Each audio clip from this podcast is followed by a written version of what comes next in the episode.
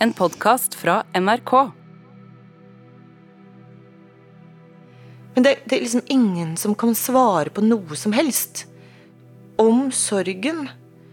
Og du vet ingenting om hva som venter rundt neste sving.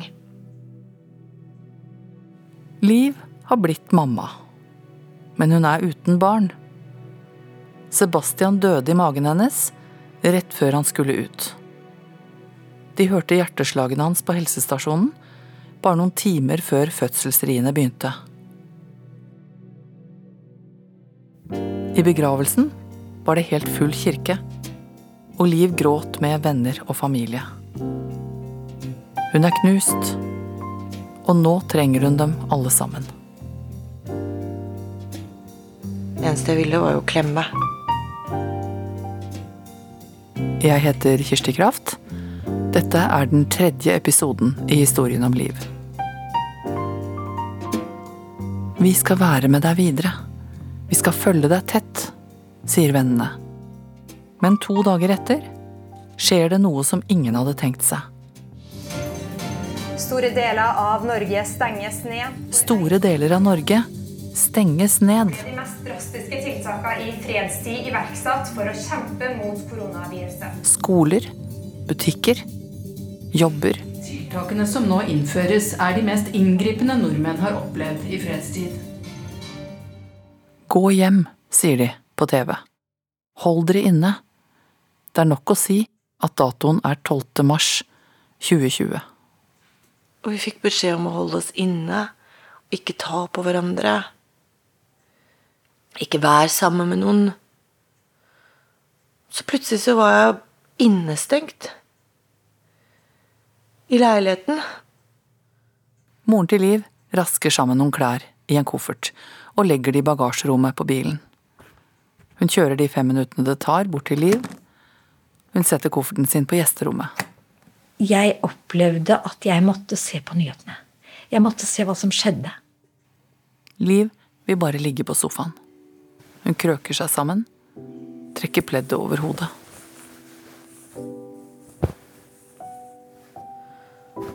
Og etter hvert innestengt i den der leiligheten med mamma som var livredd, som er i risikogruppa. Som, som øh, satt og så på de der pressemeldingene og som skulle gi meg rapporter som jeg ikke egentlig ville høre, fordi jeg hadde mer enn nok med meg sjøl. Så ble jeg helt gal. Så jeg ble nok en litt sånn pest og plager. Hun bare ble litt sånn litt, Gikk litt på nåler rundt meg. Ikke sant? Da ble jeg irritert. Kan du ikke bare slappe av og bare Ikke spør meg hva jeg trenger. Bare lag mat. Til slutt så sa hun at nå syntes hun at jeg skulle reise hjem. Eh, Og da sa jeg at jeg måtte bli til morgen fordi at eh, jeg syntes det var dumt å reise hjem ved at jeg ble bedt om det. Dagene går, Liv er mye alene. Sorg er som en sånn bølge som bare velter opp i deg. Du blir helt overmanna. Og så blir du helt utslitt. Sånn at du bare må legge deg rett ned. Jeg vet at sorg er hardt arbeid. Jeg vet også at livet har folk som vil være der for henne. Det har gått noen måneder. Det nærmer seg sommeren. Jeg sender en melding til Liv. Lurer på om jeg kan ta meg en tur. Jeg er spent på hva som møter meg.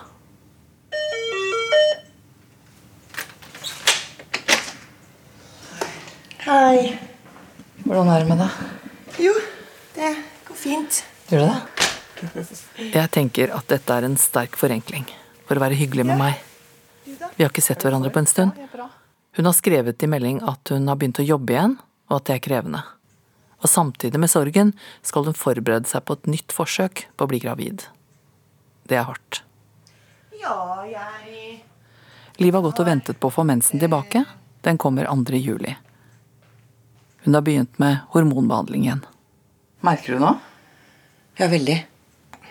Men jeg tenkte jeg skulle legge de på plass. Jeg har jo samlet på de et sted. Liv putter alle hormonsprøytene opp i en kopp. Nå er det liksom klær og sånn overalt her. Jeg putter de oppi her. En liten tekopp. Dagene er veldig forskjellige. Sorgen kommer noen ganger som en bølge og vil overmanne henne. Hun sover dårlig om natta, men stabler seg på beina hver morgen. Andre dager er fullt levelige. Hun har kjøpt en trepakk. I kontrakten står det at hun får tre forsøk på å bli gravid. Men så ble hun jo gravid på første forsøk, med Sebastian, som hun nå har mistet. Men jeg er jo nå 43, ikke sant? Så jeg må. Og den kontrakten, den går ut. Jeg har to forsøk igjen på den kontrakten. Når går den ut? Den gikk egentlig ut i november. eh, Og så har de rett og slett utsatt den. De har gitt meg et halvt år. De har gitt meg til februar. Gråten er der hele tiden inni henne. Men selv om det er krevende, så må hun i gang.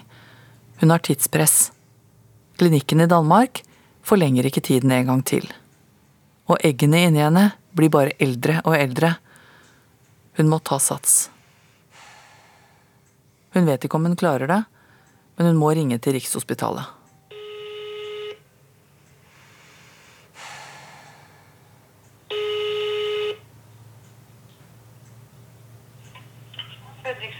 Åh, sorry. Nei, det går fint. Bare et lite øyeblikk. Ja da, det går bra, vet du. Åh, Ja jeg um, Jeg uh, eh, Ok, vent litt. da. Jeg var inne hos dere i februar, i slutten av februar, og har født en gutt, men han var, han var dødfødt.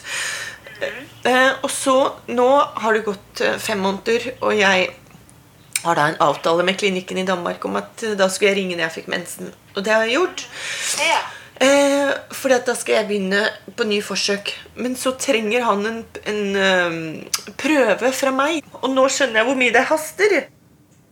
Liv har fått opp farta. Hun sjekker en masse, men det er midt i sommerferien og vanskelig å få ordentlige svar. Hun har allerede snakket med klinikken i Danmark. De trodde ikke de skulle se henne igjen. Hun ble jo gravid på første forsøk, og dermed ble hun strøket av lista. Jeg tror nok at jeg har totalt betalt uh, for alt Nei, det der var bare en beregning. Liv har en ganske stram økonomi.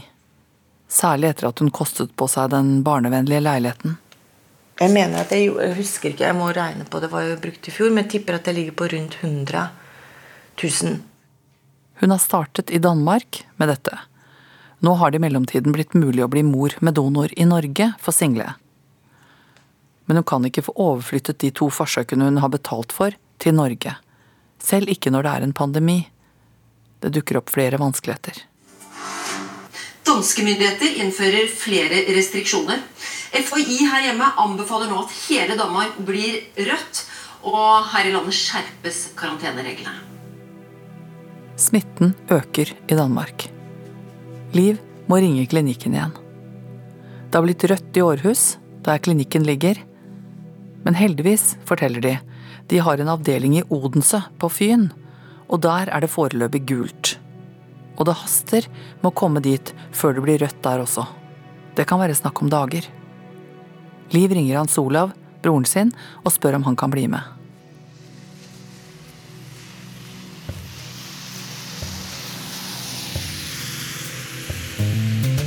De har kjørt gjennom Sverige uten å stoppe, sånn reglene er nå. Over broen til Danmark og rett til klinikken der hun skal ta ut egg.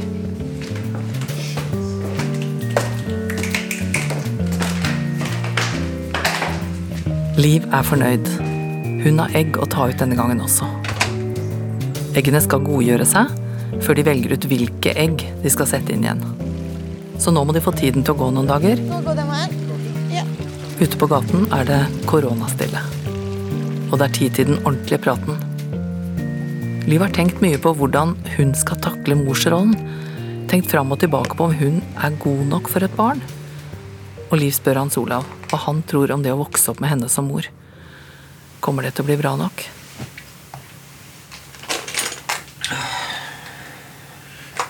Det fins mange mindre robuste hjem man kan vokse opp i. Mamma Men, sa det en du må, gang. hvile, du må hvile i det, faktisk. Litt sånn seriøst. Og det mener uh, alle vennene mine nå. Nei, men at, at uh,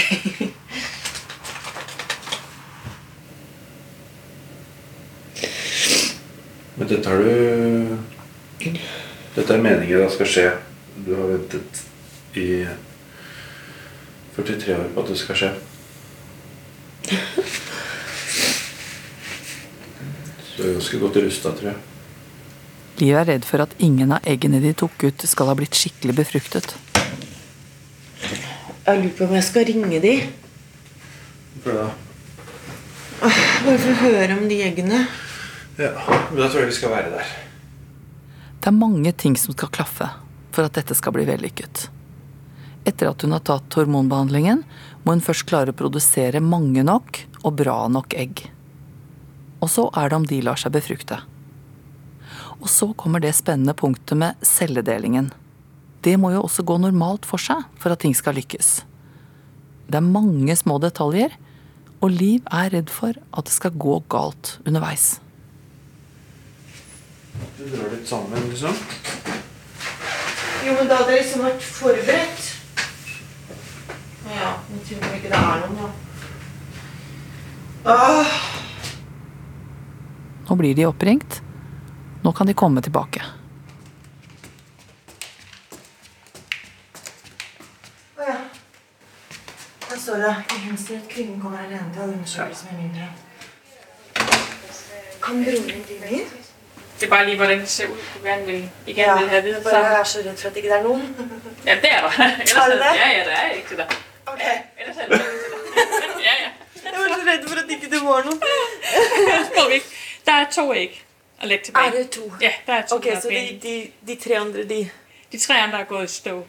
Hva betyr gå i stå? Øh, øh, ja, Ja. udvikler sig ikke mer. Liv er lettet. Nå er det satt inn. Og de går rett ut til bilen når de er ferdig på klinikken. Det er godt å komme hjem til Norge igjen. Sent på kvelden.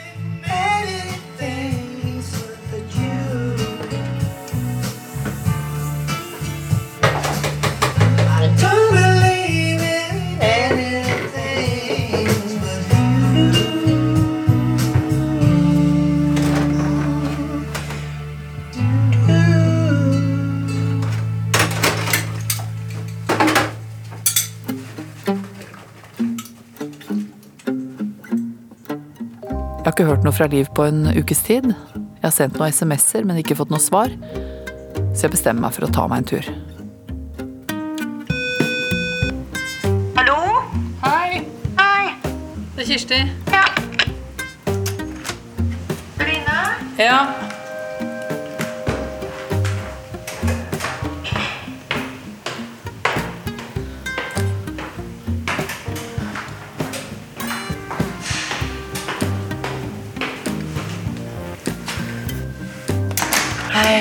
Jeg må, jeg må legge på Jans Olav. Ha det. Ha det, ha det. Hei. Kom inn. Fortell. Det har ikke gått noe bra.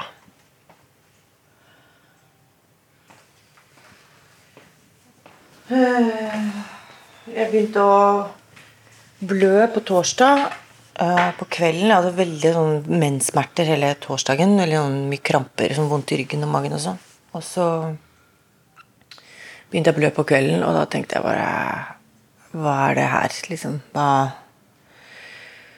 Og så gikk jeg og la meg, og så våkna jeg på natta eller sånn tidlig tidlig på morgenen at jeg blødde masse. Og da tenkte jeg bare Dette Fuck it, liksom.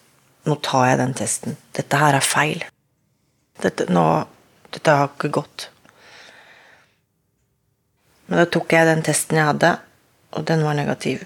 Og da gikk jeg bare og la meg og prøvde å sove det bort. Inntil jeg da Jeg sendte en melding til sjefen min og sa at jeg hadde vondt i halsen.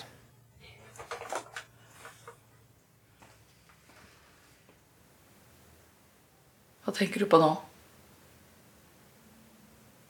Jeg tenker på at alt er dritt. Det koster veldig mye. Det koster så mange krefter hele tiden. Og holde meg sjøl oppreist og flytende. Jeg er på en måte ganske sliten. Men det er bare Det er jæskla tungt.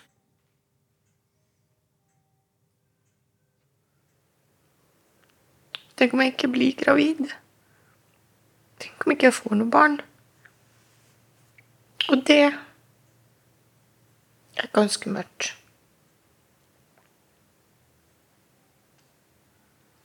Da vet jeg ikke helt hva jeg gjør. Da bare ser jeg ikke noe poeng, på en måte. De, vet jo ikke det på jobb, eksempel. At jeg kommer sent fordi at jeg har problemer med å stå opp, eller at jeg griner og ikke kommer meg på jobb og finner på unnskyldninger, eller ja, sånne ting. Men når jeg er på jobb, så er jo sånt Da går det jo på en måte i hundre. Og jeg gønner på, og det er masse å holde i, og det er masse å gjøre, og det er masse å Men eh, Men da blir det også liksom nedtur når jeg kommer hjem, eller liksom Eller ja. Alt blander seg inn i henne. Sorgen over Sebastian blir sterkere. Hun er sliten av å late som om alt er bra. Og ikke vite hva framtiden bringer. Hvordan skal det bli med henne? Hvis jeg om et år sitter her nå og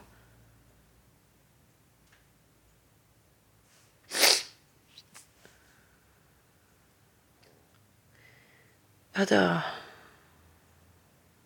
Jeg vet ikke. Jeg er bare redd for at da Da, da, da kommer ikke jeg til å se noe særlig mening i noe som helst, tror jeg. Da tror jeg at jeg kommer til å må ha hjelp til å ønske å leve.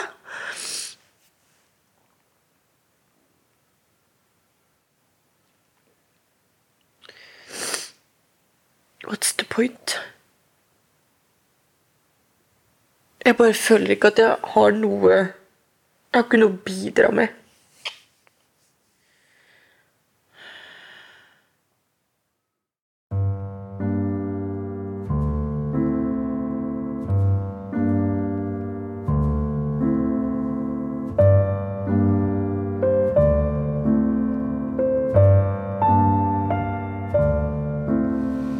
Liv har problemer med å stå opp av senga om morgenen. Men hun må ta en rask avgjørelse. Vil hun gjøre et tredje forsøk, må det skje fort, før fristen fra klinikken går ut. Hun er hos gynekologen enda en gang. Dette bildet her, Liv, det er, det er livmoren din. Så, så, er det, så skal liksom den slimhinnen inn i livmorhulen være litt tykk, da, vet du. Og et her. Mm. Så den ser veldig regelmessig og fin ut. Ja. Så bra, da. ja. Liv er tilbake til start. Hun har bestemt seg. Hun skal rekke det siste forsøket hun har betalt for, før fristen går ut. Det er så mye smitte i Danmark nå at hele landet har mørkerød farve på kartet. Liv får ikke med seg verken mor eller bror eller Jorunn på denne reisen. For det kreves ti dagers karantene når man kommer tilbake, og det er det ingen av dem som har tid til. Hun er på vei opp på loftet for å hente en koffert. Hun har ikke vært der på en stund. Her er en helt flunkende ny barnevogn som har pakket inn. Jeg blir litt sur når jeg går opp her. Ja, jeg blir sånn irritert. Jeg har ikke lyst til å se de greiene der.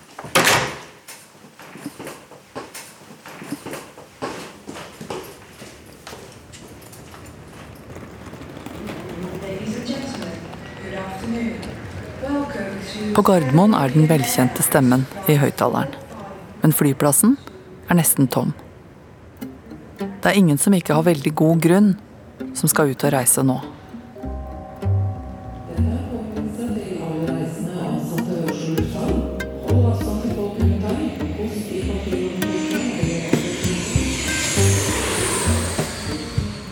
Hun har leid en hybel nær sykehuset, Og slipper å ta buss, som er ganske risikabelt. Hun har med seg litt mat. Hun har planlagt at hun skal holde seg mest mulig inne på de 24 kvadratmeterne hun har leid, når hun ikke er på sykehuset.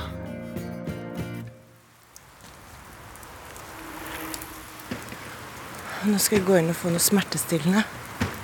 Så skal jeg sitte og vente på at de funker. Det er liksom opplegget, da. Skal jeg vente en time. Liv kjenner rutinen nå. Først ta ut egg, så skal de modnes i flere dager, og til slutt settes inn igjen. Det blir mange dager med Netflix på hybelen. Så er det putene til slutt. I går var det jo fredag, og det bor mye studenter i denne blokka her. Som både blokka og klientellet bærer veldig preg av. Så i går var det fest, for å si det sånn. Korona eller ikke. Fest var det.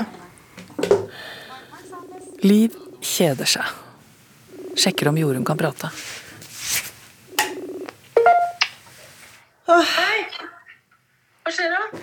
Jeg hadde to egg. Har du satt inn begge? Ja. Jeg har Er satt det inn beste av det beste? Ja. Jenny bader, du. Vi skal snart i bursdag, så vi skal vaske håret. Åh. Hei, Jenny. Hei, Jenny. Skal du ikke si hei? Nei. Nei, det er greit. Jorunn har ikke tid til å prate mer. Nå eh, skal jeg ta flybussen. Jeg må bare pakke og komme meg ut herfra. Ja. Det er ikke så farlig. Det er ikke så lenge til hun skal fly hjem. Og når hun kommer til Norge, så er det ti dager i karantene hjemme. Hun ringer jobben sin. Nei, nei, nei. nei. Det er bare så spesielt at jeg ikke får vært, på, vært med på noe av det. liksom. Det er jo bare ordentlig drit og veldig rart, på en måte. Nå skal hun for tredje gang kjøpe graviditetstest.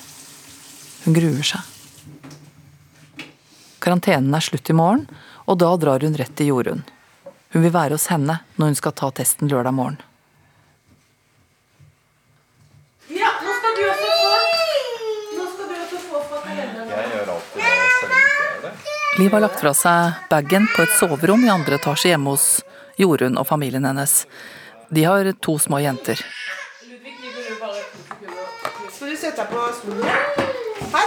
De lager pizza. Det er fredagskveld, og i morgen skal Liv ta testen.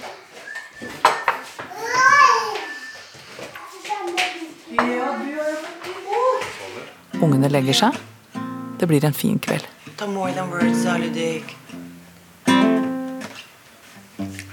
Åssen er liksom filen på den? Bing. Ja, det er sånn.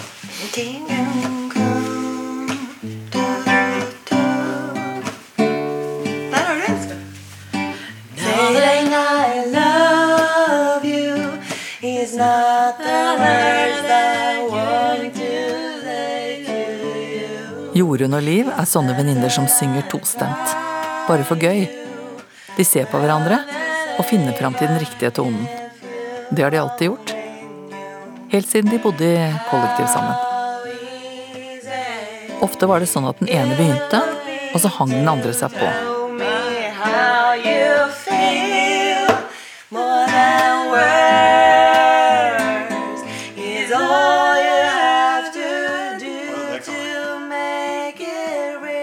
Liv har vokst opp i en familie hvor de sang nesten før de begynte å snakke. Moren var dirigent, og faren spilte orgel. Alt har vært musikk. Er?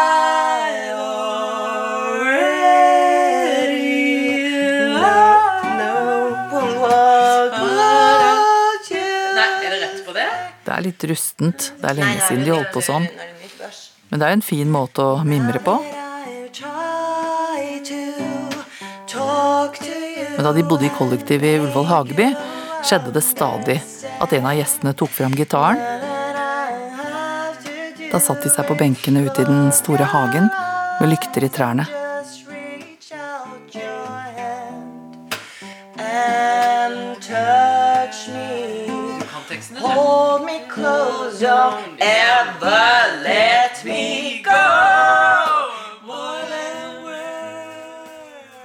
Går og legger seg, mette og fornøyde. Dette er en sånn kveld man er glad man lever, og glad for vennskapet. Jeg er veldig trøtt, men jeg får ikke klare å finne en ro. Så har jeg spilt sudoku på telefonen Liv får ikke sove. Hun må tisse, men kan ikke det. Hun skal ta testen i morgen tidlig, og da må hun ha morgenurin. Hun leser meldinger på mobilen. Det er mange som ønsker meg godt. Hun våkner flere ganger. Å, jeg må vel tisse nå også. Hvor er klokka nå, da?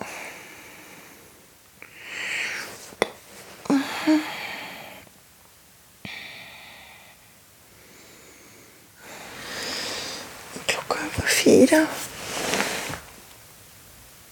Mm, Ti på halv fem.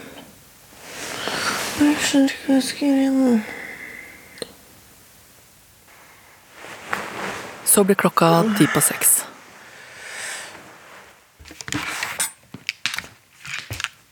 Liv tar med seg graviditetstesten som ligger på nattbordet. Jorunn har også våknet pga. det minste barnet sitt.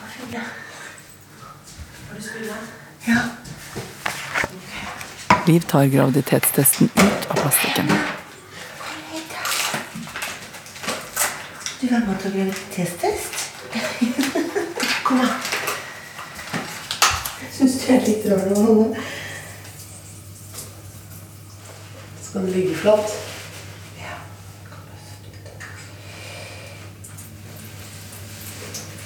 Få se. Sier ikke det at så lenge det er litt, liksom? Altså, det vil ikke komme noe hvis ikke det er noe? Du, det der er en strek.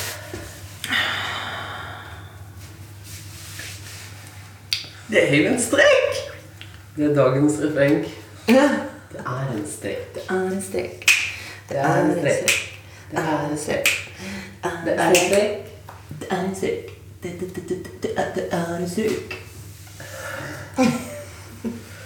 Det er en, det er, en strek. Det er en strek. Det er en strek. Liv er så glad for den blå streken. Hun er gravid. På tredje forsøket går det bra. Det er jo utrolig stas å dele at man, at man er gravid, og at eh, nå har det gått bra.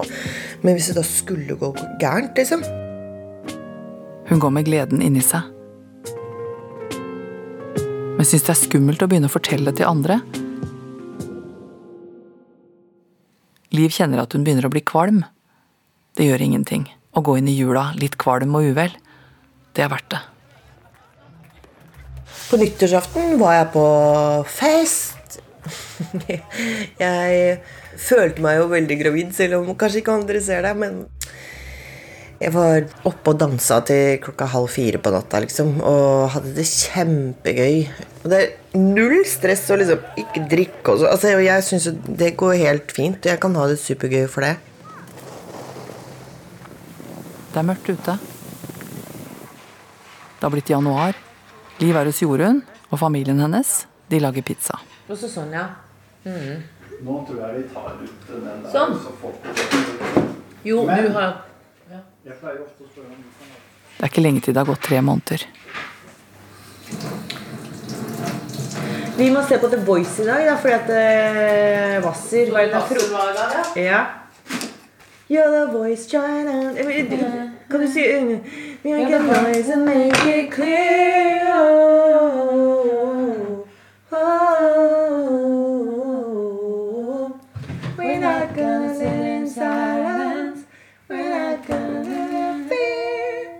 Det har blitt 19. januar. Liv våkner til en kald vinterdag med jobbmøter på Teams og lunsj alene på kjøkkenet. Norge drives fra hjemmekontor.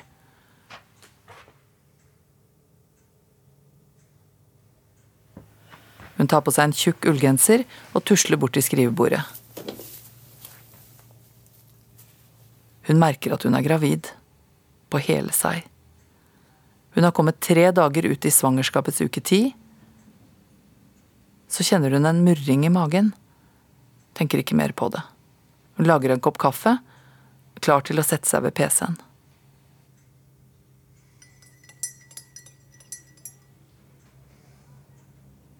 Først er det bare en svak murring nederst i magen.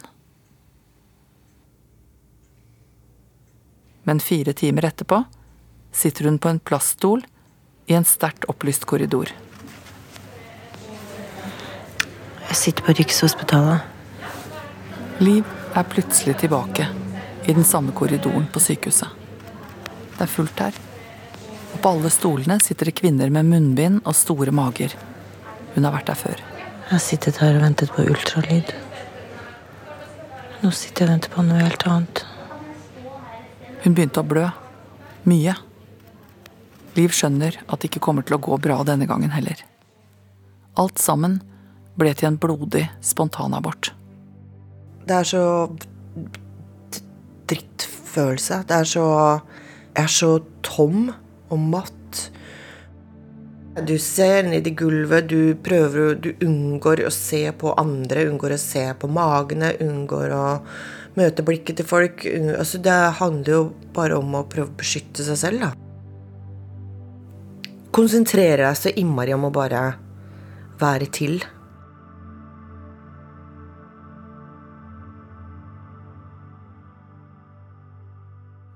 Liv blir snart 44 år. Hun har ikke flere forsøk igjen i Danmark. Hun kjøpte en trepakk, altså tre forsøk, og nå er de brukt opp. Jeg er så sliten. Jeg har så lyst til å legge meg ned og bare få hvile. Og hele tiden opp liksom på den der hesten på nytt og på nytt og på nytt og på nytt. Ok, kom igjen, dette klarer du. Hvor går veien videre nå? Skal hun innfinne seg med at hun ikke blir mamma til flere enn Sebastian, som hun har mistet? Eller finnes det fremdeles muligheter for henne? Pengene er brukt opp, og det føles som om kreftene også er det. Men hvis hun skulle klare å skaffe mer penger, er det da riktig å gå videre med nye forsøk? Liv står ved et veiskille.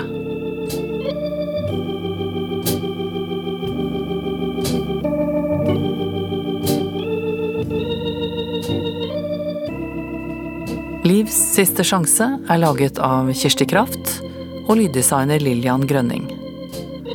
Dette er den tredje av fem episoder. Konsulent er Ingrid Skåre, prosjektleder Elisabeth Høie og redaksjonssjef er Randi Helland.